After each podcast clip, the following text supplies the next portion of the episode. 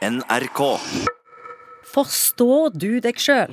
Vet du egentlig hvordan du oppfatter verden? Hvordan du tenker og handler? Sansene våre er ekstremt effektive, og fordi bevisstheten vår har begrensa kapasitet, så er vi nødt til å velge ut bare de viktigste impulsene, og resten forsvinner.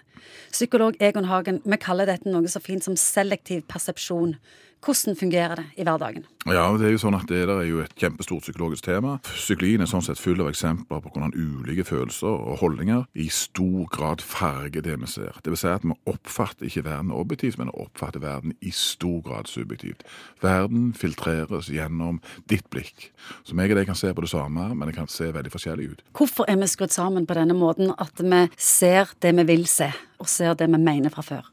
Ja, det der er jo sånn, Vi ønsker jo at verden skal være forutsigbar og kontrollerbar og på mange måter gjenkjennelig. og Det betyr at hvis vi har gjort oss opp en mening om ting, hvis du mener at en eller annen politiker er tåpelig, så vil du notorisk egentlig se etter ting som kronisk underbygger den forutinntattheten som du allerede har. Andre er psykologisk forsvar. Hvis ting er for sterke for deg, faktisk, altså du opplever et eller annet som er så skremmende at det er i ferd med å blåse deg av banen, så er det noe som kalles psykologisk forsvar trå inn. Og dempe noe av den sjokkeffekten av det. Som er utrolig lagt fra naturens side. At vi har noen sånne buffere eller sikringsputer mellom oss og verden. Og det er en annen variant av det vi nå snakker om. Som forhindrer oss i å bli galne. Det er helt riktig. Hva er bra med selektiv persepsjon, og hva er farlig? Det skumle med det er at du kan bli forutinntatt. Det er noe i sosialpsykologien som kalles balanseteori. Det vil si at hvis du liker Roy, og jeg liker deg, så er det større sannsynlighet for at jeg òg liker Roy. Altså Hvis du ikke liker VG, og jeg liker deg, så er det større sannsynlighet for at jeg ikke jeg heller liker VG. Det er sånn at vi ønsker på en måte at disse ulike klossene som konstituerer vår verden, at det skal henge noenlunde sammen. Og det gjør jo selvfølgelig at du kan etter hvert altså, bli en sånn yes, ja-seiingsgruppe hvor alt er likt, og litt verre å slippe til folk som skaper ubalanse. For ofte så er det jo der veksten ligger, faktisk. I ubalansen, i det som vipper deg av pinnen. Altså i krisene, i det som på en måte er ikke kontrollerbart og uforutsett. Ofte ligger jo der òg muligheten til vekst.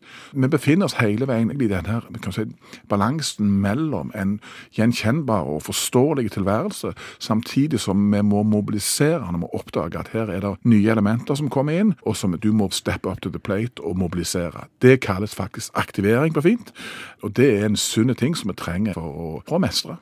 Du har snakket tidligere om sosiale medier, viktigheten av å lese og oppsøke ting du ikke alltid er enig i.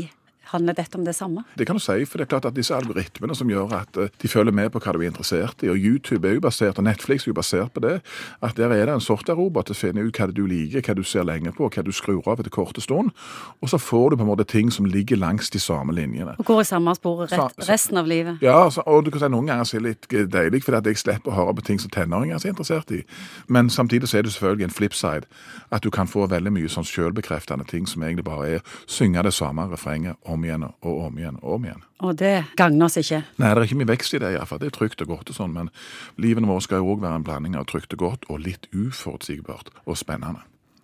Så det du sier, det er at mange sin oppfatning av eh, verden og hva som er rett og galt, kanskje er helt feil, for de leser og hører kun det de har hørt fra før? Absolutt, det tror jeg er helt riktig. Og så tror jeg òg at når du ser at folk går så til de grader bananas i disse eh, kommentarfeltene, så handler det om at folk er veldig subjektive. De leser kommentaren foran i en viss retning, så på en måte blir alt dette kokt sammen til ei smørje som da berettiger at dette raseriet, dette verbale søppelet, som vi på mange måter må forholde oss til alle.